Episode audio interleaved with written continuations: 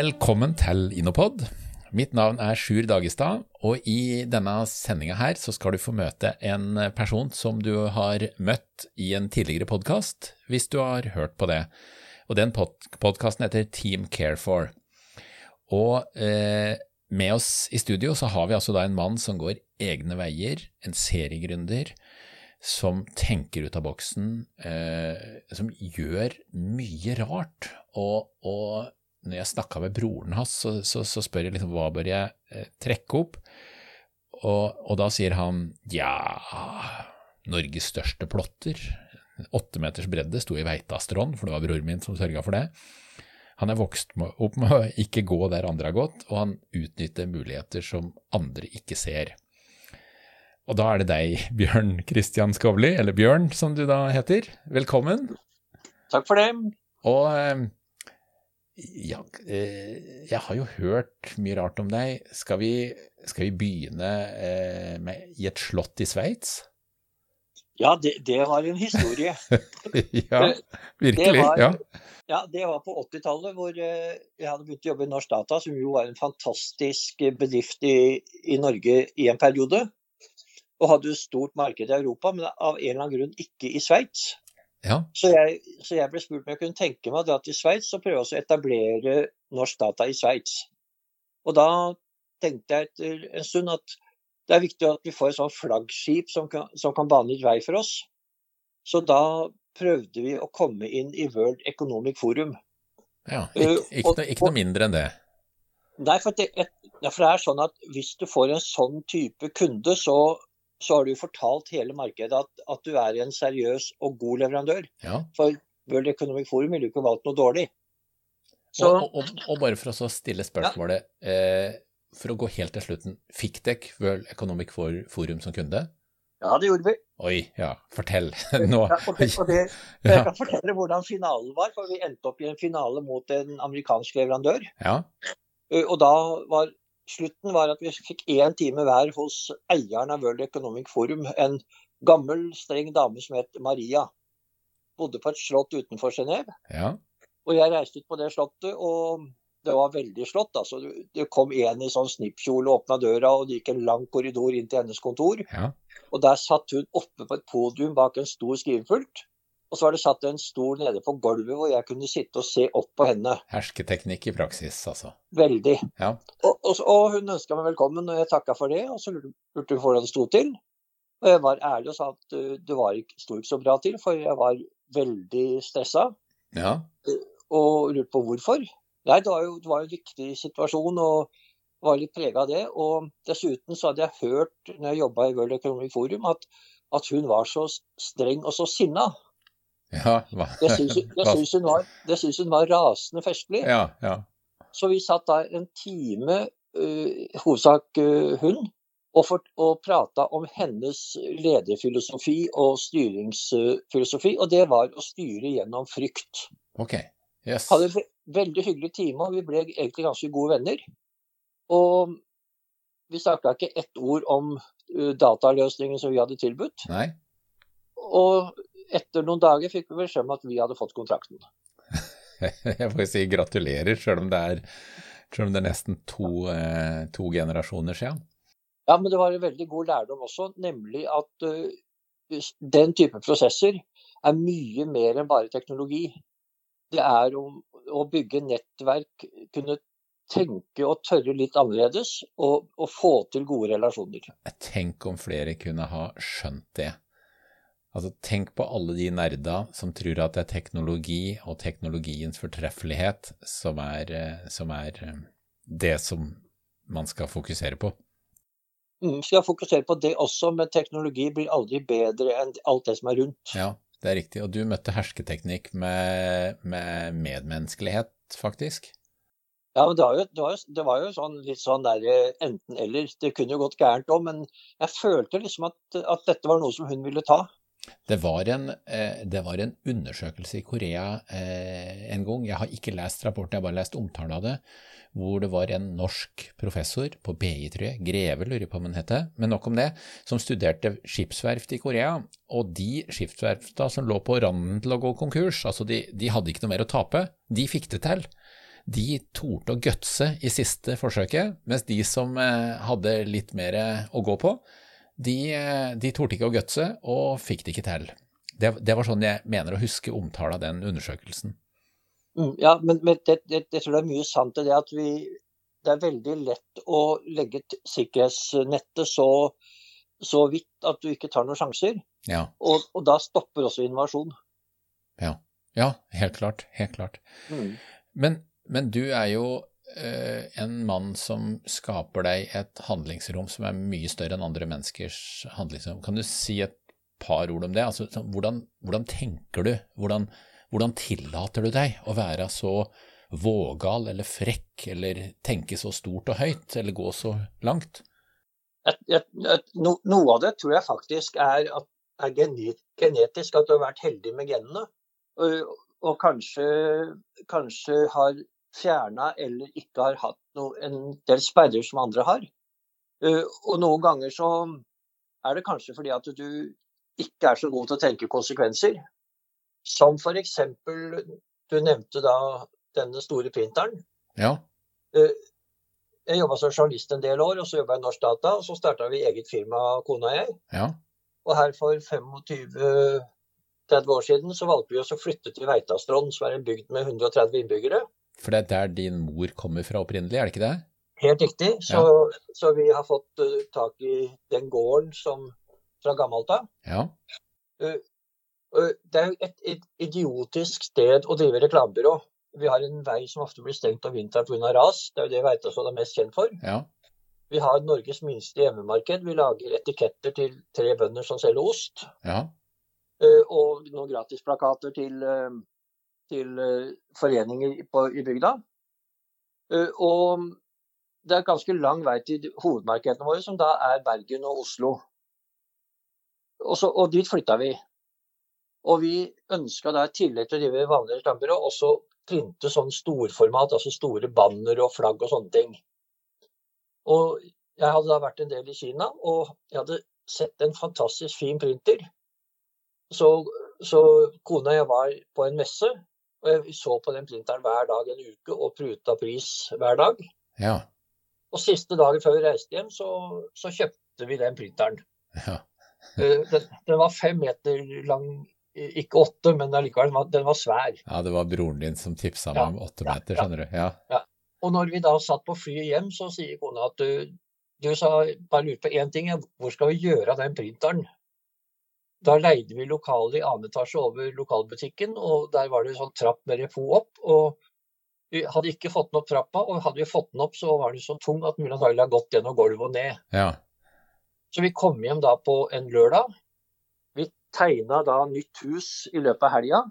Jeg var i kommunen på mandag og sa at jeg trenger byggeløyve fort, for jeg får en printer om tre måneder, og den må vi nesten sette rett inn, for den er så tung.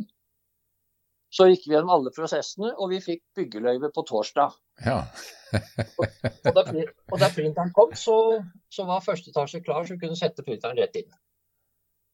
Ja, og, det, ja. og, og, det var det samme igjen. ikke sant? At da jeg møtte kommunen første gang, så fikk jeg en liste over alt som måtte oppfylles for å få byggeløyve. Dispensasjon for, for å bygge på dyrka mark, strandsone og hva det måtte være.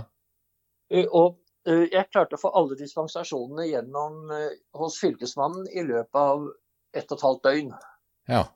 Siste dispensasjon om dyrka mark-fritak den fikk jeg fra landbrukssjefen, fylkeslandbrukssjefen, som sendte det på faks fra landsskytterstevnet i Trondheim. Så, så, så, så det ordna seg. Ja, det, det, Dette høres ut til å være deilig byråkrati, da. Ja, ja, ja men jeg tror, jeg tror, det er noe med at at, jeg, at jeg, jeg, liker å ta kontakt med folk som jeg tror kan, kan hjelpe til å finne løsninger. Ja. Uh, og jeg tror vi er altfor lite flinke til å, å, ta kontakt når vi trenger det. Jeg, jeg hørte, hørte historie om deg eh, med Jan Tore Sanner. Den, den er, var en lita, søt historie. Eh, som egentlig jeg syns illustrerer det litt. Kan, kan ikke du bare dele den med oss? Jo, det var for noen år siden så ønska vi på Veitastrand å etablere et, et, et turistopplegg med å fly folk med helikopter opp på en fjelltopp. Ja. Og det lagde jo en del støy i forhold til en del verneinteresser og sånt nå. Og da var det borgerlig regjering, og Jan Tore Sanner var statsråd. Så han var viktig i saken. Og så ville jeg gjerne ha kontakt med han, så jeg ringte hjem til han en kveld. For å bare fortelle vårt syn og høre hans tanker om det. Og begynte da den telefonsamtalen med å beklage at jeg forstyrra ham på kvelden. Og svaret han ga var ganske illustrerende. Ja. At det skulle jeg ikke tenke på, for problemet var ikke at folk ringte, problemet var at det var ingen, alle de som ikke ringte. Ja. Han, had, han, hadde nesten ikke kontakt med, med, med folk flest, fordi de hadde lagd seg sjøl en sperre med at du tar ikke kontakt med en statsråd. Men, men, men, bare for å skyte inn der, Bjørn, at sånn ja. er det med veldig mange mennesker. De får ikke ut fingeren, de tar ikke kontakt. Og til deg som lytter, eh, sånn som gründer, så gjør det. Ta kontakt osv. Du tror kanskje det er, det er, fælt, men det er ingen andre som gjør det. Det, vel, det, det er jo det du sier, Bjørn. Ja, nå, nå tar jeg nå tar jeg scenen her, Bjørn. Jeg kaster volden over til deg igjen. Her, ja, ja, ja. Du, har, du, har, helt rett. Og det, det samme er med uh, vi kunne sikkert ha utreda i to år om det var lurt eller ikke lurt å kjøpe en sånn stor printer. Ja. Eh, men resultatet var at ganske kort tid etterpå så fikk vi altså en bestilling på det som eh, vel er det største innendørsbanneret som noen gang er produsert i Norge. Ja. Vi leverte et banner på 100, eh, nei, 84 ganger 6 kvadratmeter. Oi, eh, ja. som, som dekka alle uh, veggene i landsmøtesalen på et landsmøte til Frp. Ja. Og, da, og, da, ble det fortalt fra talerstolen der under avslutningen at uh, dette var et bevis på at vi kunne ha konkurransedyktige bedrifter i distriktene. Ja, ja. Vi var ikke valgt fordi vi holdt til på Veitastrand, men vi var valgt fordi vi hadde levert det beste tilbudet og levert den beste løsningen. Og det, det, var fordi vi hadde skaffa oss det verktøyet i den store printeren. Ja, ja. Og, og, det er noe med å, å, å, ta sånn At du må ha litt instinkt for at kanskje ting er lurt, og så må du bare gjøre det. Men ble det lønnsomt, den printersaken det han, han, Ja, ja den har, eh, det er den vi har levd av i mange år. Ja. Uh, vi, og, og, fortsatt lever av å kjøre mye storformat. Så det har vært uh, det har vist seg å være en riktig vei. Så dette er, et, dette er, et, eksempel på at her kan du analysere til å bli blå i trynet og finne ut at dette her skal du ikke anskaffe, eller du kan kaste det uti det og ta learning by tryning på alvor og eh, lande på bena. Ja, hadde, vi, hadde, vi, hatt sånne dype analyser, etter sånn, så hadde vi selvfølgelig konkludert med at du kan ikke plassere den printeren noe dummere sted enn på Etasson. Nei, nei. På samme måte som vi opplevde en vinter her hvor det var veldig mye stengt. Ja at vi hadde produsert plakater til Sparebankuka. Og den, den, går jo av stabelen når det er bestemt. Ja. Og da var veien stengt, så da måtte jeg gå tre mil på ski til Hafslo for å få levert de plakatene. Ja. Og da jeg kom hjem den kvelden, så var jeg veldig motivert for alternative løsninger. det kan jeg skjønne, ja. Dagen etterpå jobba jeg med å finne ut av det, og vi fant en leverandør i Sverige som leverte luftputebåter som kunne kjøre på snø og is. Ja ringte til han. Han kom uka etterpå med den på en henger for å demonstrere at den, at den fungerte. Ja. Og så fikk vi da støtte fra fylkeskommunen og kommunen, og så kjøpte vi den luftfutebåten. Ja, til bygda. Til bygda. Ja. Det, og det ble sett på da som en investering for å kunne, kunne komme ut unna bygda når veien var stengt. Ja. Resultatet ble en stor gevinst for, for det offentlige, fordi når vi hadde en sikker transport ut gjennom bygda, så tenkte ikke de eldre å flytte ned på eldresenteret, de kunne være hjemme. Ja. Uh, og, det, og, det, gjelder jo fortsatt. Så det, det, har altså vært en så stor sosial gevinst for bygda. Og det, var, det begynte med at jeg måtte gå på ski for å levere plakater. Ja. Du, jeg har én ting som avslutningsvis som jeg har lyst til at du skal si noe om. For det, i øyeblikket så driver du med et utrolig viktig prosjekt, en yrkesskole i Uganda. Og eh, vi har laga en egen podkast om, om, det, som ligger før denne podkasten her i køen. Men kan ikke du bare si noen ord om det, Bjørn, sånn helt til slutt? Jo, det er Jeg, Jeg har jobba med bistand i Uganda i mange år. Eh, og det jeg ser, er at eh, videre, høyere utdanning er nesten bare akademisk prega. Og veldig mange utdanner seg til arbeidsledighet. Ja. Mens det derimot er nesten umulig å få tak i en håndverker eller en fagarbeider. Ja. Så, og målgruppa vår det er jo de som bor i fattigområdene og slummen, i, særlig rundt Kampala. Ja. Så derfor vil vi bygge en yrkesskole med, for alle disse ulike praktiske fagene. eh, Med sterkt fokus på bærekraft, eh, som disse landene bør ha mer fokus på. Ja. Og for å få til det, så må vi ha tre, litt over tre millioner kroner. Ja. Og det skal vi skaffe ved å få sponsorer til et opplegg hvor jeg skal sykle fra Veitastrand til Kampala. Og det er 6400 400 km. km. Og der starter jeg 1. april fra Veitastrand, som vi nå ser kan bli en utfordring, fordi fortsatt er det to meter snø her og fem centimeter islag på veien. Men kjenner jeg deg rett, Bjørn, så er ikke det, så er ikke det en utfordring? Det, det fikser Nei. du da? Jeg, jeg tenker litt omvendt, ja, at hvis forholdene er så ille når vi skal starte, så blir det noen fantastiske bilder og videoopptak som vi kan bruke til å få mer fokus på det opplegget vårt. Ja, og, eh, og for den som ønsker å gå inn på nettet og se på det, hva er, hva er nettadressa? Det er Team Carefor, så teamcare, altså firetall, .no. Ja, så der er det mulig å gå inn og kjøpe en distanse.